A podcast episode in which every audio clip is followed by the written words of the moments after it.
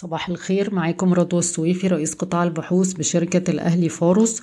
خلونا نبتدي بأخبار الطرح المرتقب لشركة e-finance أعلنت الشركة أن النطاق السعري للاكتتاب من 12 جنيه ونص ل 13 جنيه 98 قرش. تحديد السعر النهائي هيكون يوم 9 أكتوبر 2021 فترة الاشتراك بالنسبة للمستثمرين الأفراد هتكون من 6 أكتوبر ل 13 أكتوبر. والمفروض إن شاء الله الشركة تبدأ في التداول يوم 18 أكتوبر.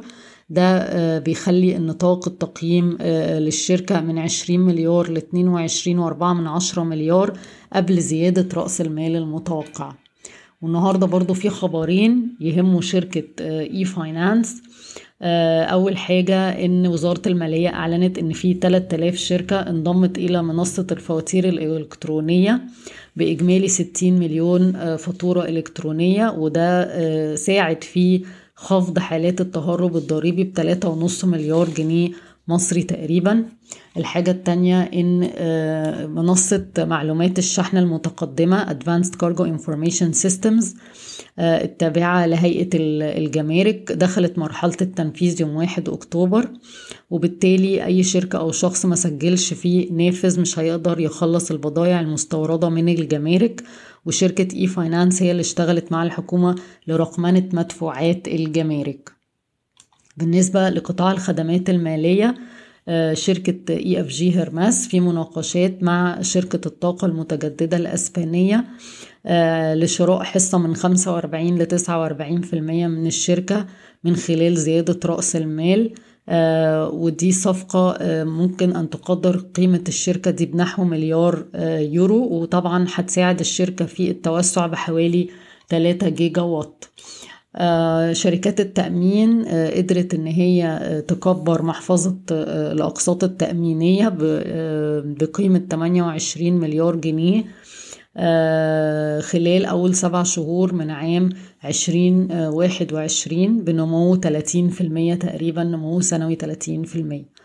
البنك الدولي متوقع أن أسعار الأسمدة تظل مرتفعة في عام 2021 بسبب الطلب القوي ارتفاع أسعار الغاز عالميا مشكلات في سلاسل التوريد وبطء وتيرة دخول الطاقات الإنتاجية الجديدة. خبر يخص الشركات المصدرة زي مثلا نساجون الشرقيون وشركة دايس أعلنت وزارة المالية بدء صرف المستحقات للمصدرين دعم الصادرات تبع دعم الصادرات في المرحلة الثالثة. سوف تحصل 302 شركة على 800 مليون جنيه. والحكومة صرفت 30 مليار جنيه منذ بداية البرنامج. رئيس بورتو جروب بيستهدف ضخ استثمارات تتجاوز 3 مليار جنيه في خلال 3 سنوات وزيادة معدلات التسليمات وإنجاز المشروعات وكمان التوسع في أغلب الدول العربية بداية ببورتو أغادير في المغرب.